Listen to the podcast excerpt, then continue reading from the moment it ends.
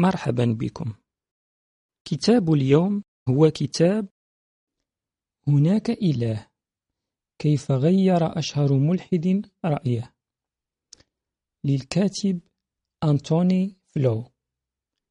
ترجمة الدكتور صلاح الفضلي. مراجعة وتعليق الدكتور مرتضى فرج.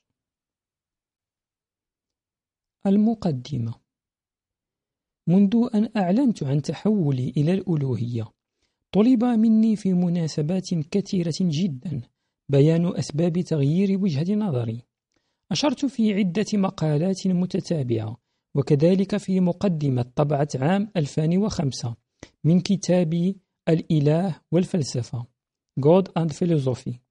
إلى الأعمال الحديثة المتعلقة بالنقاش حول الإله لكنني لم أبين وجهة نظري في ذلك. أما الآن فقد انتهيت إلى القناعة بأن أعرض ما يمكن تسميته وصيتي وشهادتي الأخيرة. باختصار وكما يدل عنوان الكتاب أنا أعتقد الآن بأن هناك إله. عنوان الكتاب الفرعي كيف غير أشهر ملحد رأيه؟ لم يكن من اختياري. لكنني مع ذلك سعيد بتوظيفه باعتباره من العناوين الجذابة. لقد قام أبي اللاهوتي في إحدى المرات بتحرير مجموعة من مقالاته ومقالات بعض تلامذته السابقين وضمنها كتابا جدليا وعنون هذا الكتاب بعنوان متناقض لكنه مناسب وهو كاثوليكية البروستانتية. وسيرا على النمط نفسه في طريقة العرض قمت بنشر أبحاث بعناوين مشابهة مثل القيام بأعمال خيرة ليس خيرا أو هل رهان باسكال هو وحده الرهان الآمن. في البداية لابد أن أكون واضحا. عندما انتشرت أخبار تحولي في وسائل الإعلام وعلى شبكة الإنترنت سارع بعض المعلقين إلى الإدعاء بأن تقدمي في العمر أثر في تحولي لقد قيل إن الخوف هيمن على عقلي بقوة وقد انتهى هؤلاء المنتقدون إلى أن توقعات الدخول إلى عالم ما بعد الموت حفزت لدي تحول فراش الموت. من الواضح أن هؤلاء الأشخاص لم يكونوا مطلعين على كتاباتي عن اللاوجود بعد الموت وهم ليسوا مطلعين كذلك على آراء الحالية حول هذا الموضوع. على مدى أكثر من خمسين سنة لم أنكر وجود إله فحسب بل أنكرت أيضا وجود حياة بعد الموت. ومحاضراتي التي نشرت في كتاب منطق الفناء تمثل ذروة هذا المنهج من التفكير. فهذا مجال من المجالات التي لم أغير وجهة نظري فيها. وقد كان ذلك واضحا في هذا الكتاب من خلال مساهمة رايت في الملحق الثاني. أود أن أضع حدا لجميع هذه الشائعات التي وضعتني في رهان باسكال. هامش. رهان باسكال. حجة مبنية على نظرية الاحتمالات ونظرية القرار وتستخدم للاحتجاج بضرورة اتخاذ قرار بشأن الإيمان بالله. على الرغم من عدم إمكانية إثبات وجوده أو عدم وجوده عقليا. بليز باسكال هو من صاغ هذه الحجة. أيضا لابد أن أشير إلى أن هذه ليست هي المرة الأولى التي أغير فيها وجهة نظري في موضوع رئيسي. قد يندهش القراء الملمون بدفاع المستميت عن الأسواق الحرة. إذا علموا أني كنت ماركسيا وقبل عقدين من الزمن تراجعت عن قناعاتي السابقة بأن اختيارات الإنسان محكومة بنحو شامل بواسطة أسباب مادية بما أن هذا الكتاب يتكلم عن سبب تغيير وجهة نظري بخصوص وجود الإله فإن السؤال الواضح سوف يكون بماذا كنت أعتقد قبل التغيير ولماذا؟ الفصول الثلاثة الأولى من الكتاب تستهدف الإجابة عن هذا السؤال. والفصول السبعة الأخيرة تصف اكتشافي للمقدس الإله. وعند تهيئة الفصول السبعة الأخيرة لابد أن أعترف بأني استفدت الكثير من النقاش مع البروفيسور ريتشارد سوينبيرن والبروفيسور برايان ليفتو. أستاذ كرسي نولوت السابق والحالي في جامعة أكسفورد. هناك ملحقان مضافان للكتاب. الملحق الأول هو تحليل لما يطلق عليه اسم الإلحاد الجديد ريتشارد دوكنز وآخرين. كتبه روي أبراهام فارغيز. أما الملحق الثاني فهو نقاش مفتوح بالغ الأهمية للمؤمنين بالدين. حول ما إذا كان هناك أي نحو من أنحاء الوحي الإلهي في التاريخ البشري مع تركيز خاص على الادعاء المتعلق بمسيح النصارى. وللمهتمين بالاطلاع على المزيد في هذا الموضوع فإن الباحث المتخصص في العهد الجديد رايت وهو أسقف درام الحالي تفضل بتزويدنا بتقييم لبنية الحقيقة التاريخية التي يقوم عليها الإيمان المسيحي بالسيد المسيح. وفي الحقيقة يجب أن أقول أن الأسقف رايت قدم حسب اطلاعي أفضل عرض للقبول بالاعتقاد المسيحي في هذا الشأن. لعل من المناسب أن أذكر شيئا عن شهرتي كملحد وهو ما يشير إليه العنوان الفرعي للكتاب. لقد كانت أولى أعمالي المعارضة للألوهية في عام 1950 عبر الورقة البحثية اللاهوت والتكذيب.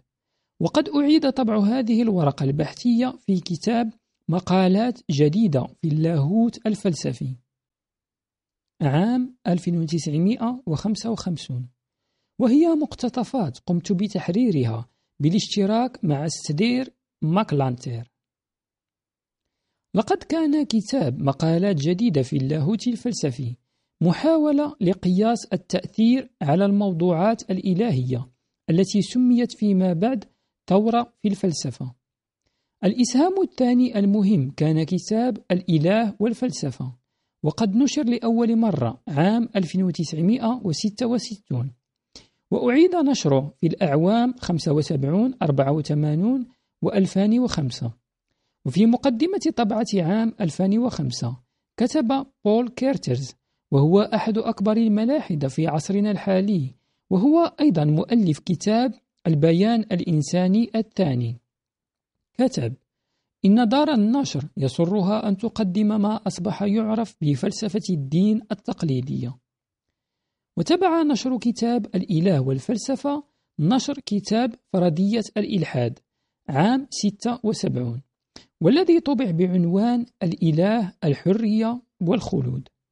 وكان ذلك في الولايات المتحدة الأمريكية عام 84 أما بقية المؤلفات المتعلقة بالموضوع فهي فلسفة هيوم في الاعتقاد والمنطق واللغة مدخل إلى الفلسفة الغربية أفكار وحجج من أفلاطون إلى سارتر والتطور الدارويني منطق الفناء. في الحقيقة إنه لمن المفارقات أن أول حجة منشورة في تأييد الإلحاد قدمت لأول مرة في ندوة بالنادي السقراطي. رأسها أعظم مدافع عن المسيحية في القرن الأخير سي إس لويس. والمفارقة الثانية هي حقيقة أن والدي كان أحد قادة التبشير في إنجلترا. ويضاف إلى ذلك أنني في بداية حياتي المهنية لم يكن لدي اهتمام خاص بأن أصبح فيلسوفا محترفا. بما أن جميع الأشياء الحسنة إن لم تكن جميع الأشياء دون استثناء لابد أن تصل إلى نهاية فإنني سوف أنهي كلمات المقدمة هنا. سأترك للقراء أن يقرروا ما يفعلون تجاه الأسباب التي أدت إلى تغيير وجهة نظري حول السؤال عن الإله.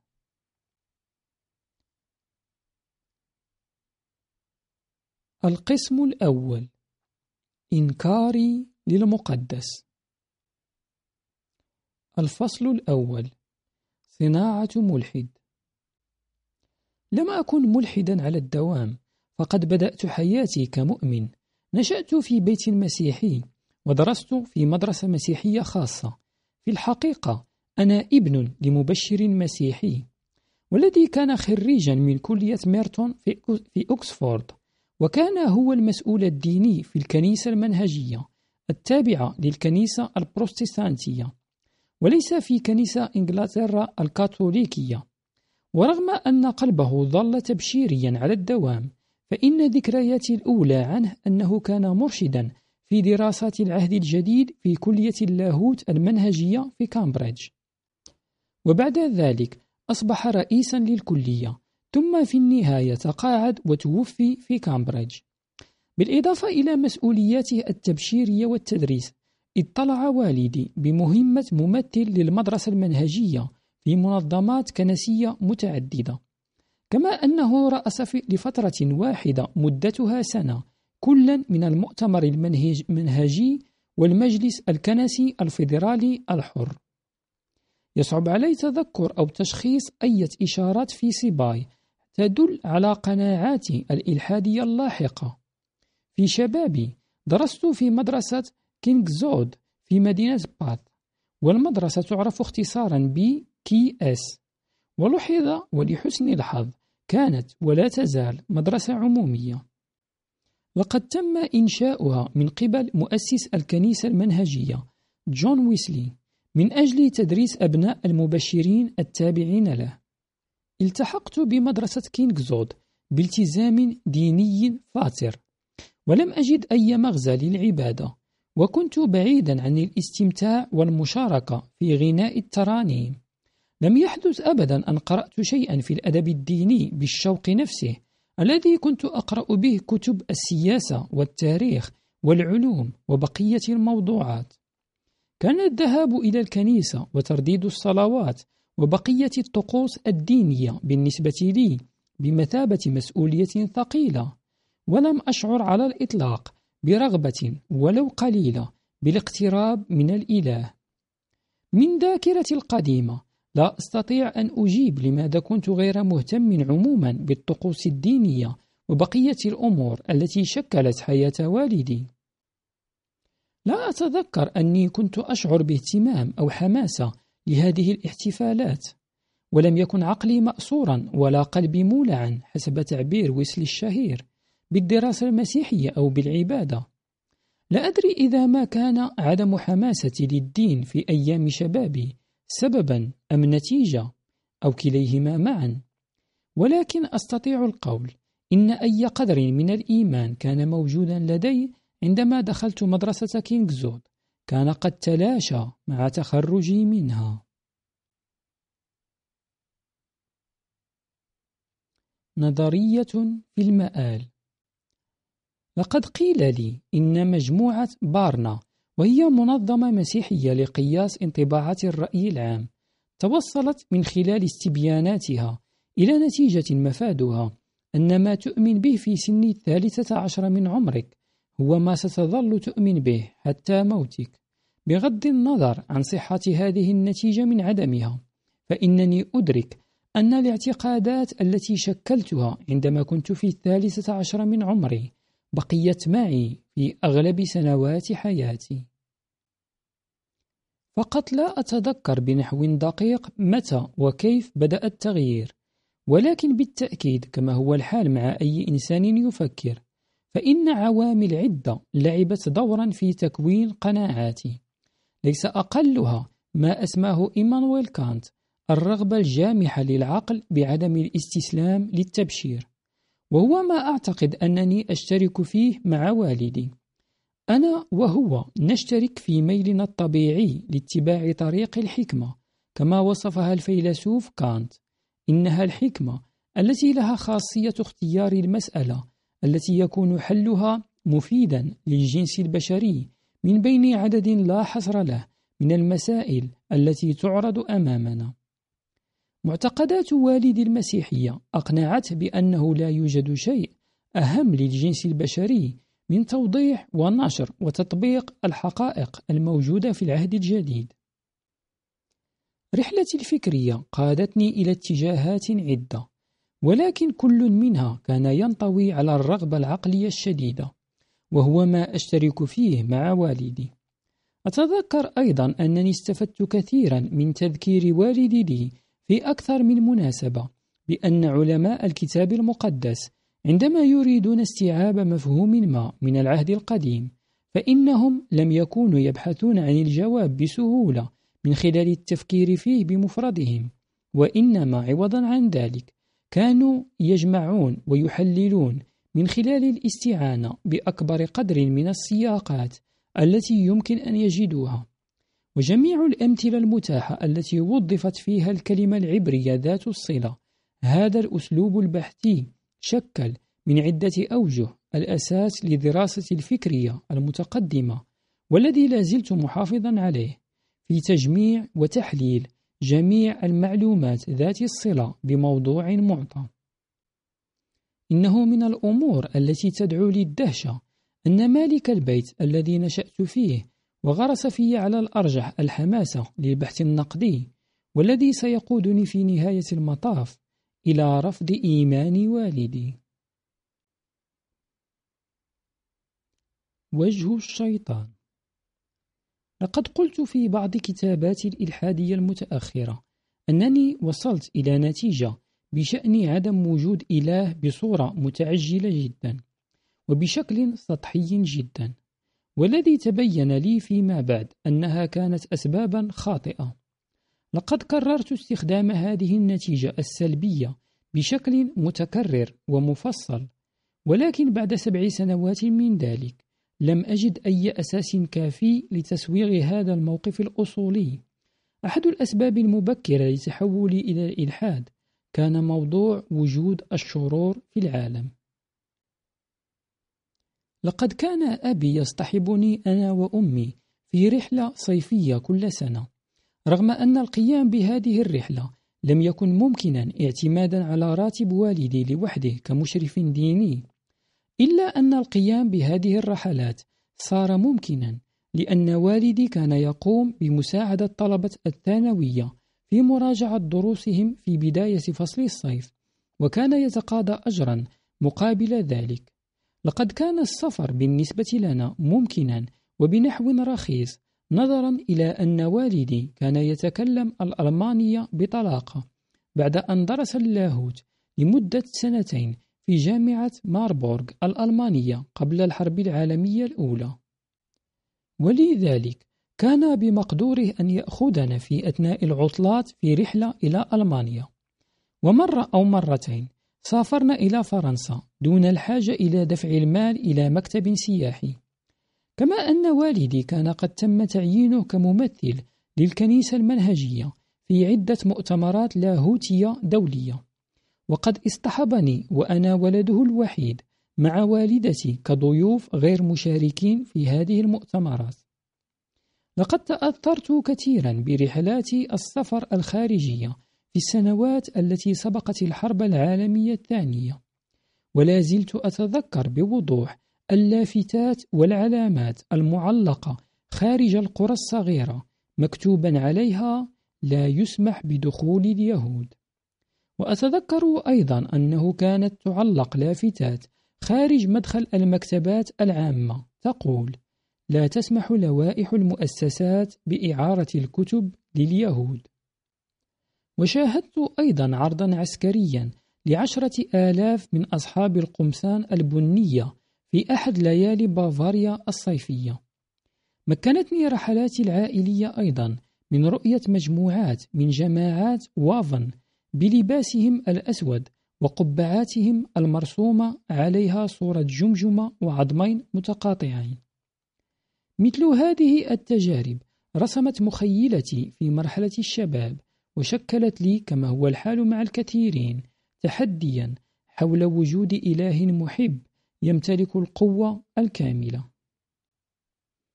ولا أستطيع أن أقيس درجة تأثير ذلك على تفكيري. هذه الخبرات إذا لم يكن سواها أيقظت في, داك في داخلي الوعي بالثنائي الشيطاني وهما معاداة السامية والشمولية. هامش. معاداة السامية. مصطلح يطلق على معاداة اليهود كمجموعة عرقية ودينية وإثنية. تم استعمال المصطلح لأول مرة من قبل الباحث الألماني فيلهم مار لوصف موجة العداء لليهود في أوروبا الوسطى في أواسط القرن التاسع عشر. الشمولية. هي طريقة حكم ونظام سياسي يمسك فيه حزب واحد بكامل السلطة. مكان مفعم بالحيوية. أن تتربى خلال الثلاثينيات والأربعينات من القرن العشرين في بيت مثل بيتنا ينتمي للطائفة المنهجية يعني أنك تعيش في كامبريدج دون أن تنتمي إليها. بداية اللاهوت لم يكن مقبولا على أنه ملك العلوم كما هو الحال في باقي المؤسسات. كما لم تكن هناك كلية للتأهيل الديني في أجواء الجامعة. وكنتيجة لذلك لم أكن معروفا بانتمائي لكامبريدج على الرغم من أن والدي كان يشعر وكأنه في بيته هناك. وعلى كل حال فإنه منذ عام 1936 عندما بدأت بالترقي في المدرسة فإنني نادرا ما كنت أقيم في كامبريدج خلال فترة الدراسة. ومع ذلك فإن مدرسة كينغزود كانت في أيام مكانا يعج بالحياة وكان يرأسها رجل يستحق أن يقيم باعتباره واحدا من أفضل مديري المدارس قبل قدومي إليها بسنة. حصلت المدرسة على جوائز في أكسفورد وكامبريدج في مؤتمرات المدارس أكثر من أي مدرسة أخرى. ولم يكن نشاطنا المدرسي يقتصر على قاعات الدراسة والمختبرات فقط. عندما تكون في مثل هذه البيئة المثيرة فإنه ليس مدعاة للدهشة لأحد أنني بدأت في التشكيك بالإيمان الصارم لوالدي وهو الإيمان الذي لم أشعر بأي ارتباط عاطفي قوي اتجاهه. عندما كنت في الصف السادس العلوي كنت أناقش مع زملائي في الصف بشكل متكرر فكرة الإله ذي القدرة المطلقة والخير المطلق وعدم توافق هذه الفكرة مع وجود الشرور ونواقص العالم. عندما كنت في مدرسة كي إس لم تكن مراسم يوم الأحد المنتظمة تتضمن أي إشارة إلى مصير الإنسان في الجنة أو النار. عندما كان الساكيت مديرا للمدرسة وكان في الوقت ذاته أسقفا وهو أمر غير معتاد في وقته كانت كلمته دائما ما تتعلق بعجائب وروعة الطبيعة. وعندما حل عيد ميلادي الخامس عشر كنت قد بدأت برفض فكرة أن الكون قد خلقه إله كامل القدرة والرحمة. قد يسأل أحدهم عما إذا كنت قد فكرت باستشارة المرشد الديني حول شكوكي المتعلقة بوجود إله لم أفعل ذلك قط. ومن أجل الحفاظ على استقرار العائلة وبشكل خاص علاقتي مع والدي حاولت قدر المستطاع أن أخفي عن الجميع في البيت تحولي نحو اللادين. وحسب ما أعتقد فإنني نجحت في ذلك لسنوات عديدة. ولكن بحلول يناير من عام 1946 وحينما كنت في الثالثة والعشرين من عمري انتشر الخبر ووصل إلى والدي بأنني ملحد وأنني كذلك لا أؤمن بالحياة بعد الموت. وأنه لم يكن من المرجح أبدا عودتي إلى قناعاتي. لقد كان تحولي كاملا وصارما بحيث إن النقاش في البيت حول هذا الموضوع كان سيبدو نقاشا عقيما. ومع ذلك وبعد خمسين سنة من ذلك الوقت يمكنني القول بأن والدي كان سيشعر بالسعادة الغامرة بقناعاتي الحالية المتعلقة بوجود الإله. على الأقل سوف يعتبر أن ذلك يمثل مساعدة عظيمة للكنيسة المسيحية. أكسفورد مختلفة. من مدرسة كينغزود انتقلت للدراسة في جامعة أكسفورد. وصلت إلى أكسفورد في يناير من عام 1942 كانت الحرب العالمية الثانية قد اشتعلت وفي أيامي الأولى كطالب وكنت حينها في الثامن عشر من عمري. قمت بإجراء الفحص الطبي وتم بعد ذلك إلحاقي بشكل رسمي في سلاح الجو الملكي. في أيام الحرب تلك كان مطلوبا من جميع الشباب اللائقين بدنيا أن يقوموا بالخدمة يوما واحدا في الأسبوع في أحد مراكز الخدمة. وبالنسبة لي كان مركز الخدمة هو سرب الطائرات التابع لجامعة أكسفورد. الخدمة العسكرية التي كانت لمدة سنة بنظام العمل الجزئي ثم بنظام العمل الكلي لم تكن ذات طابع قتالي. وكانت الخدمة تتضمن تعلم بعض من اللغة اليابانية في قسم الدراسات الشرقية والإفريقية في جامعة لندن. ومن ثم القيام بترجمة الإشارات اللاسلكية التي يتم رصدها وفك شفرتها. وكان ذلك يتم في منطقة بيلتشي بارك.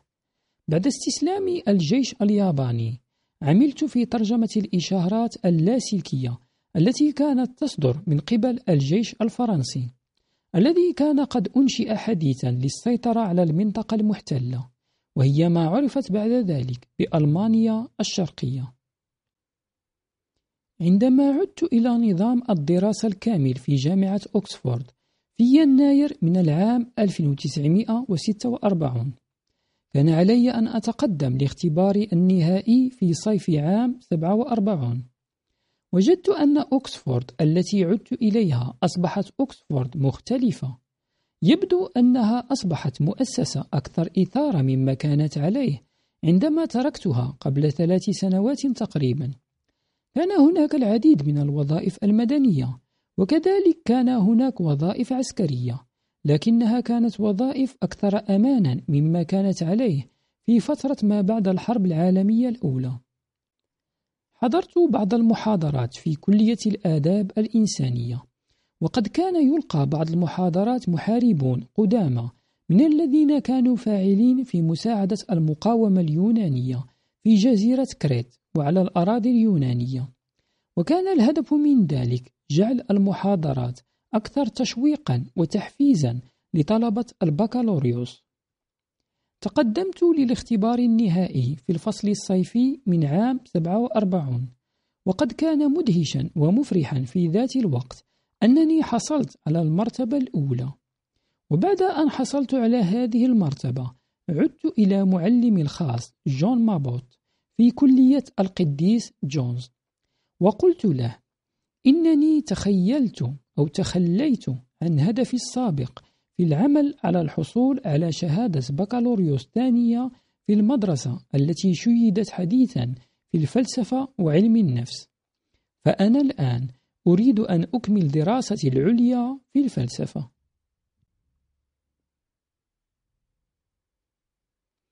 الأصبوحات الفلسفية. قام مابوت بمساعدتي في الالتحاق بالدراسات العليا في الفلسفة تحت إشراف جيلبريت رايل الذي كان وقتها أستاذ مادة الميتافيزيقا في جامعة أكسفورد. كان رايل أحد أساتذة كرسي الفلسفة الثلاثة خلال الفصل الثاني من العام الدراسي 47-48 بعد ذلك بسنوات علمت عن طريق كتاب مابوت ذكريات أكسفورد أنه ورايل كان صديقين منذ أن التقيا لأول مرة في أكسفورد. لو كنت في كلية أخرى وسئلت من قبل أستاذي الخاص عن الأفضل من بين الأساتذة الثلاث لفضلت بالتأكيد هنري برايس وذلك بسبب اهتماماتنا المشتركة في علم النفس وهو التخصص الذي كان يسمى بالبحث النفسي في ذلك الوقت. ولذلك فإن كتابي الأول كان بعنوان مقاربة جديدة في البحث النفسي. وقد أصبحنا أنا وبرايس بعد ذلك متحدثين في المؤتمرات التي تعنى بالبحث النفسي. ولكن أنا متأكد أنني لم أكن لأحصل على جائزة الجامعة في الفلسفة في تلك السنة. لو كنت تحت إشراف برايس لأننا كنا سنقضي الوقت في النقاش حول موضوعات الاهتمام المشترك بيننا. بعد أن قضيت العام الدراسي 48 في الدراسات العليا في الفلسفة تحت إشراف رايل حصلت على جائزة التميز وكانت عبارة عن منحة جون لوك للدراسات في تخصص الفلسفة الذهنية. وبعد ذلك تم تعييني بوظيفة محاضر في المجال التدريسي. خلال السنة التي قمت فيها بالتدريس في أكسفورد قمت بتدريس كتابات الفيلسوف لودفيغ فيتغنشتاين وهو صاحب الاتجاه الفلسفي الذي أثر في عند الدراسة في أكسفورد. هذه الكتابات نشرت بعد ذلك بعنوان الكتاب الأزرق والكتاب البني. وقد كانت مرفقة برسائل من فيتشتاين تشير إلى نوعية القراء الموجهة لهم وكذلك نوعية القراء الذين لا ينبغي أن يقرأوها وقمت أنا وأحد زملائي بنشر نسخ من محاضرات فيتنشتين في أكسفورد وجعلناها في متناول جميع من يرغبون بقراءتها. هامش لودفيغ فيتنشتين من أكبر فلاسفة القرن العشرين. ولد في فيينا عام 1889 ودرس في جامعة كامبريدج بإنجلترا وعمل بالتدريس هناك. وقد حظي بالتقدير بفضل كتابي رسالة منطقية فلسفية وتحقيقات فلسفية. كنا نسأل كل شخص نعرف اهتمامه بالفلسفة في أكسفورد. عما إذا كانت لديه مخطوطات لمحاضرات فيتنشتين وإذا كان الجواب نعم كنا نسأله عن المحاضرة المتوفرة لديه. ولأن مكامن التصوير لم تكن قد ظهرت في ذلك الوقت قمنا بتوظيف طباع للقيام بمهمة طباعة عدد نسخ كافية لتلبية حاجة من يطلبها. تعرف رايل على فيتنشتين عندما زار الفيلسوف النمساوي فيتنشتين جامعة كامبريدج وبعدها كون رايل علاقة صداقة مع فيتنشتين وأقنعه بأن يقوم برحلة على الأقدام إلى منطقة مقاطعة البحيرة الإنجليزية في عام 1930 أو 31 لم ينشر رايل أي وصف لهذه الرحلة. وما الذي تعلمه أثناء صحبته لفيتنشتين منه وعنه؟ لكن بعد هذه الرحلة أصبح رايل يتصرف كوسيط بين فيتنشتين والعالم الخارجي. وكم كانت هذه الوساطة ضرورية في بعض الأحيان وهذا ما يكشف عنه التسجيل الذي يوثق لمحادثة بين فيتنشتين الذي كان يهوديا وأخواته بعد أن احتل جنود هتلر النمسا. في هذه المحادثة يطمئن فيتنشتين أخواته بالقول إنه بسبب علاقته مع الشخصيات الرئيسية والعوائل الكبيرة في النظام السابق وعلاقته بالناس فإنهم جميعا لن يتعرضوا لأي أذى. ولاحقا عندما أصبحت أستاذا للفلسفة كنت أكره أن أكشف لطلبتي أن فيتنشتين والذي كنت أعتبره والكثير من زملائي فيلسوفا عبقريا. كان شديد الغرور في الأمور العلمية. وقد كنت شاهدا شخصيا على سلوك فيتغنشتين مرة واحدة على الأقل. وحدث ذلك عندما كنت في مرحلة البكالوريوس. وكان فيتغنشتين يقوم بزيارة إلى جمعية جويت. كان موضوع المحاضرة المعلن هو أنا أفكر إذا أنا موجود. والعنوان مأخوذ بالتأكيد من عبارة الفيلسوف الفرنسي ريني ديكارت الشهيرة. كانت القاعة مكتظة بالحضور والجمهور يصغي لكل كلمة يقولها الضيف العظيم. ولكن الشيء الوحيد الذي أتذكره الآن أن المحاضرة لم يكن لها أي علاقة بالعنوان المعلن لها. لذلك عندما انتهى فيتغنشتين من محاضرته نهض البروفيسور بريتشارد من مكانه وكان باديا عليه السخط وسأل فيتغنشتين. يا فيتغنشتين! وكان من الجلي أن دكتوراه كامبريدج لم يكن معترفا بها في أكسفورد. مع ذلك؟ أنا أفكر إذا أنا موجود. وضع فيتغنشتين إصبع سبابته على جبهته واكتفى بالقول. إن عبارة أنا أفكر إذا أنا موجود. جملة غريبة جدا. كنت ولا أزال أعتقد أن الرد الأنسب على فيتنشتين. كان ينبغي أن يستوحى من أحد مشاهد المسلسل الكرتوني الرجال والنساء والكلاب الذي يقول فيه أحدهم ربما ليس لديك جاذبية يا ليلى لكن أنت لغز. التصادم مع لويس.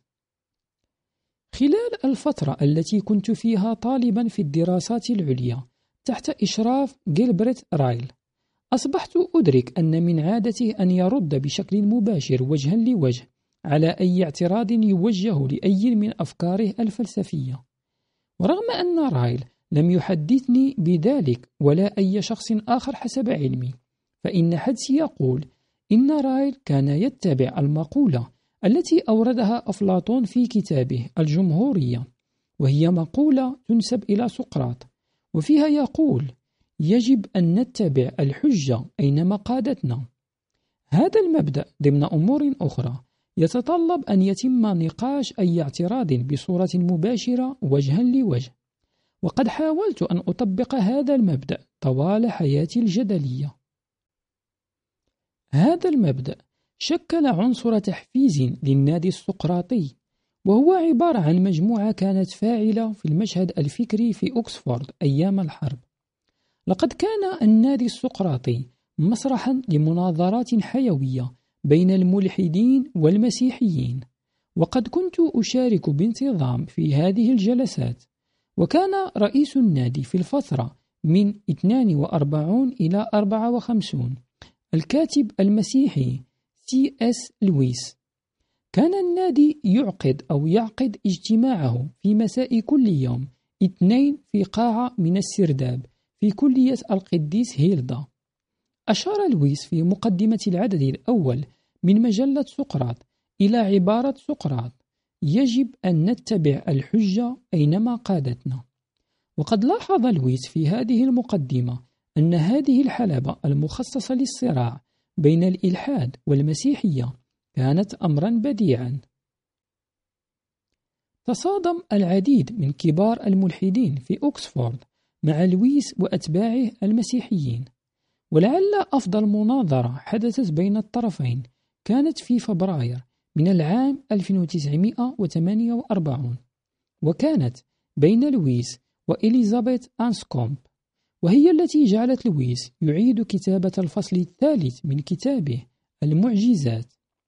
لا زلت أتذكر عودتي مع مجموعة من الأصدقاء بعد انتهاء المناظرة العظيمة حيث كنا نسير مباشرة خلف إليزابيث وأصدقائها.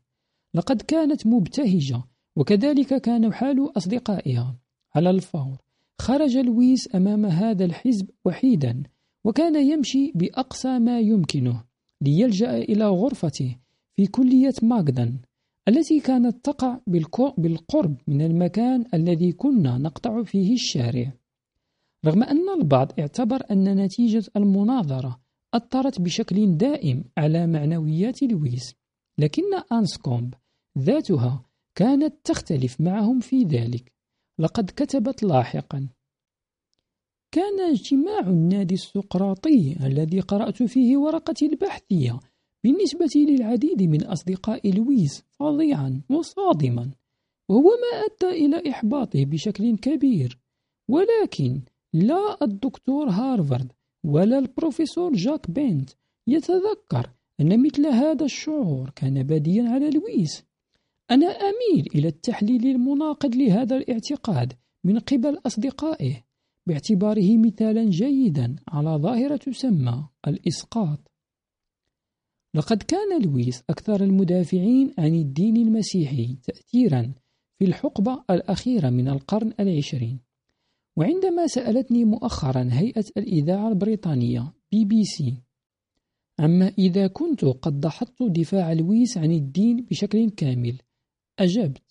لا أنا فقط لم أكن أعتقد أن هناك أسبابا كافية للاعتقاد بذلك ولكن بالتأكيد عندما عدت للتفكير في الأمور اللاهوتية بدا لي أن حالة الوحي المسيحي قوية جدا إذا كنت تعتقد بالوحي من الأساس. هامش الإسقاط هي حيلة دفاعية ينسب فيها الفرد عيوبه ورغباته المحرمة والعدوانية أو الجنسية للناس حتى يبرئ نفسه ويبعد الشبهات عنها.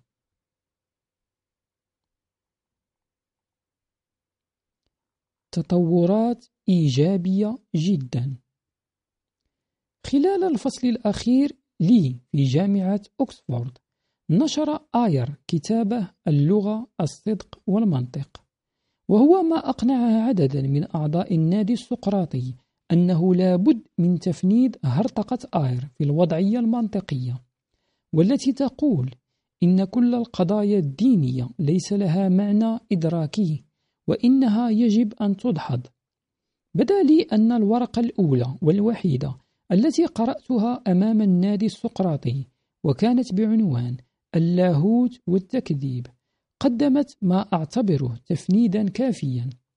واعتقدت حينها أنني حققت نصرا كاملا وإنه لا مجال لأية مناظرة إضافية. التقيت أيضا في أكسفورد بآنيس دونسون التي ستصبح فيما بعد زوجة لي. لقد تعرفنا على بعضنا البعض عن طريق أخت زوجتي التي دعتنا إلى اجتماع النادي العمالي في أكسفورد وبعد أن تعرفت على آنيس لم أعد أعير انتباها لأي شخص في هذا الاجتماع سواها. وبعد هذا اللقاء اتفقنا أنا وآنيس على أن نلتقي مرة أخرى. وكان ذلك اللقاء الوحيد الذي وعدت فيه فتاة على الإطلاق. كان وضعنا الاجتماعي مختلفا عندما التقينا لأول مرة.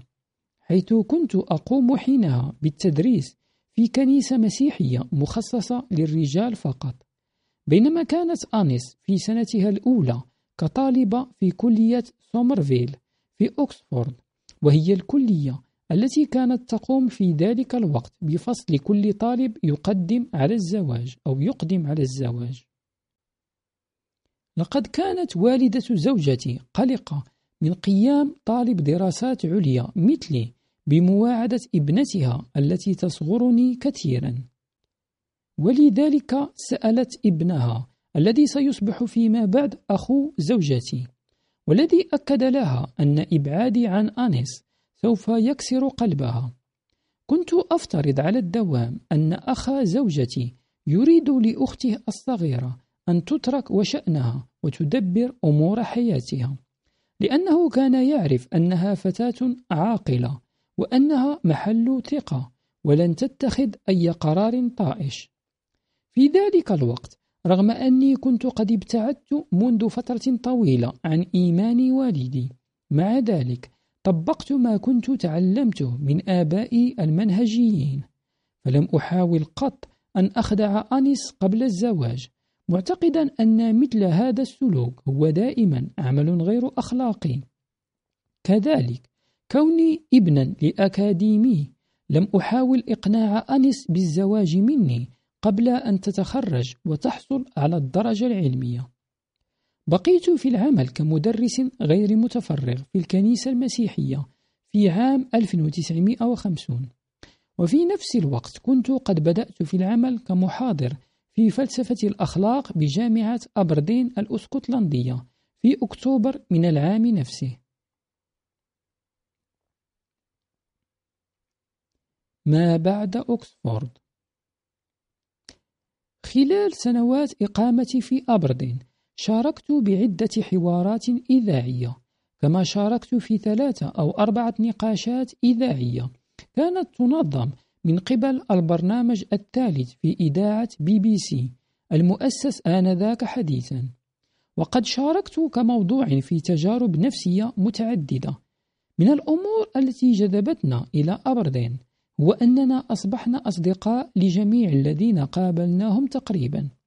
وما جذبنا أيضا لأبردين تنوع وقوة الحركة التعليمية فيها ولكون أبردين مدينة في اسكتلندا وليست في إنجلترا والتي كانت جديدة بالنسبة لنا لحقيقة أنها وفرت لنا إمكانات عديدة للتنزه ومنها السير على الشواطئ في منطقة كيرنغورن. ولا أذكر أني تخليت أبدا عن المشاركة بأي من رحلات نادي كيرنغورم الشهرية المنتظمة لتلك التلال.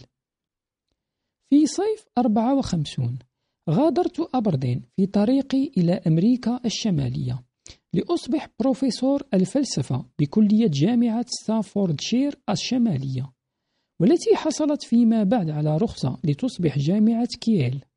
وخلال السبعة عشر عاما التي قضيتها هناك ظلت كييل أقرب إلى أجواء المملكة المتحدة منها إلى كليات الآداب في الولايات المتحدة.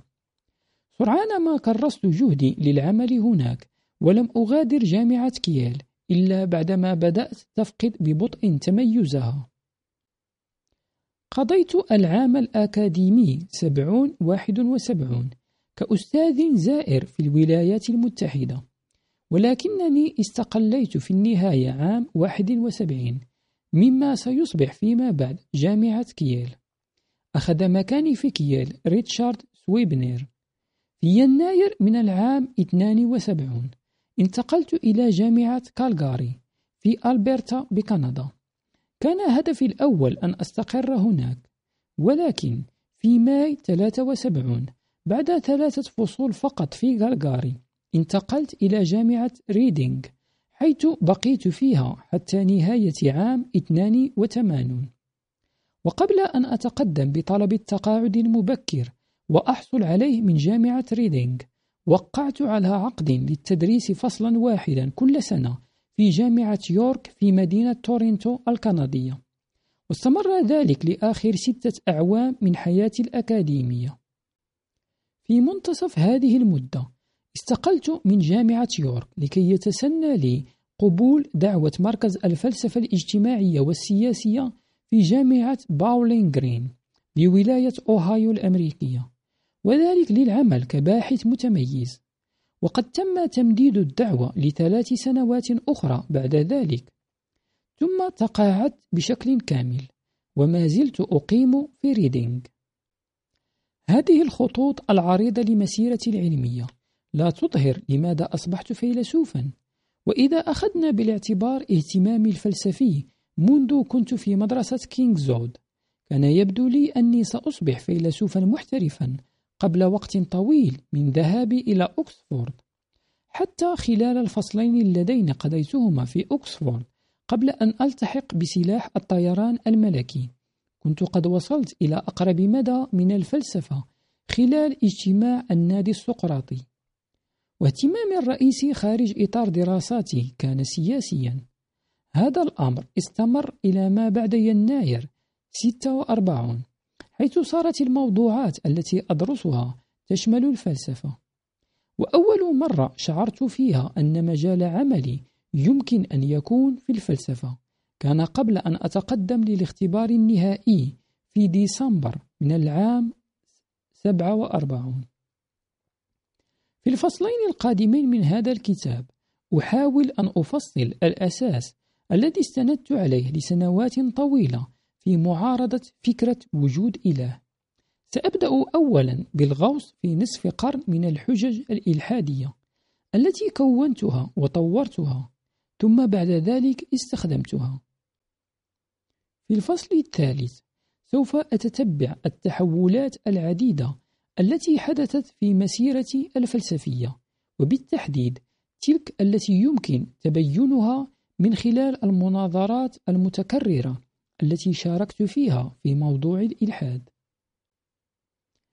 عبر كل ذلك آمل أن يتضح كما ذكرت في السابق أن اهتمامي الطويل بالدين لم يأتي سوى من باب الحيطة والأخلاق. أو ببساطة من باب الفضول.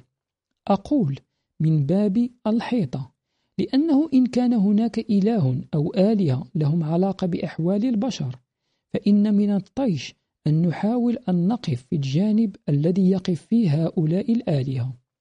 وأقول إن اهتمامي من باب الأخلاق لأنني شعرت بالسعادة أن أجد ما قاله ماثيو أرنولد.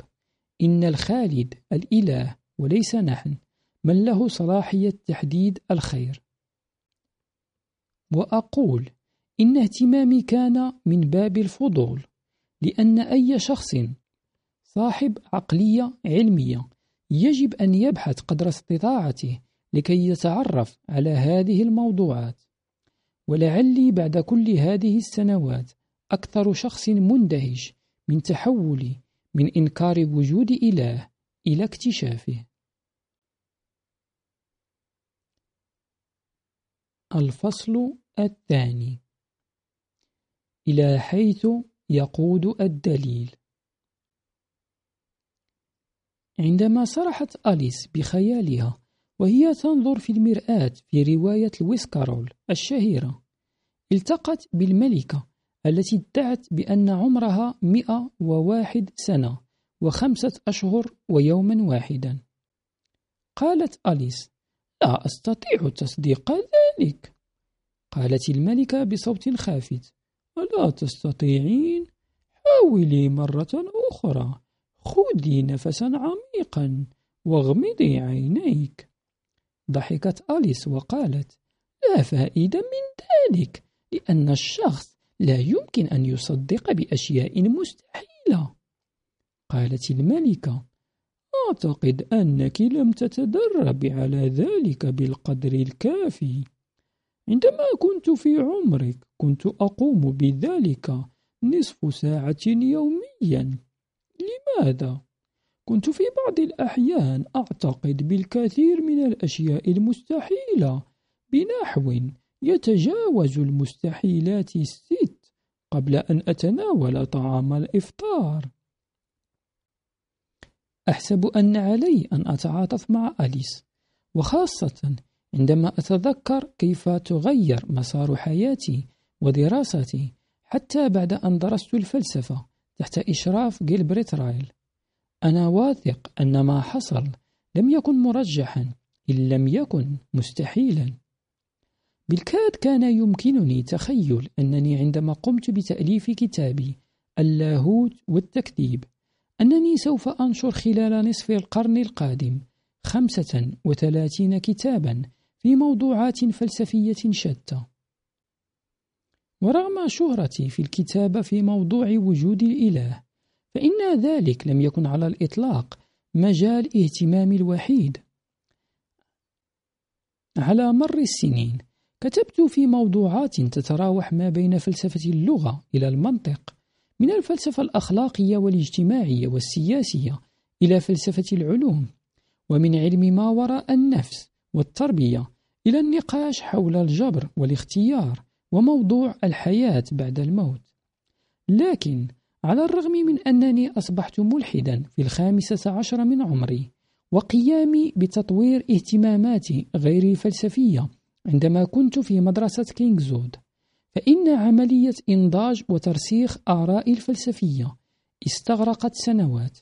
في ذلك الوقت توصلت إلى مبادئ إرشادية لم تهيمن على حياتي وطريقة كتابتي واستدلالي فحسب بل في الحقيقة قادتني في النهاية إلى التحول الجذري من الإلحاد إلى الإيمان. الاكتشافات المبكرة والمواقف المحرجة. بعض آرائي الفلسفية تشكلت حتى قبل أن أدخل إلى مدرسة كينغزود.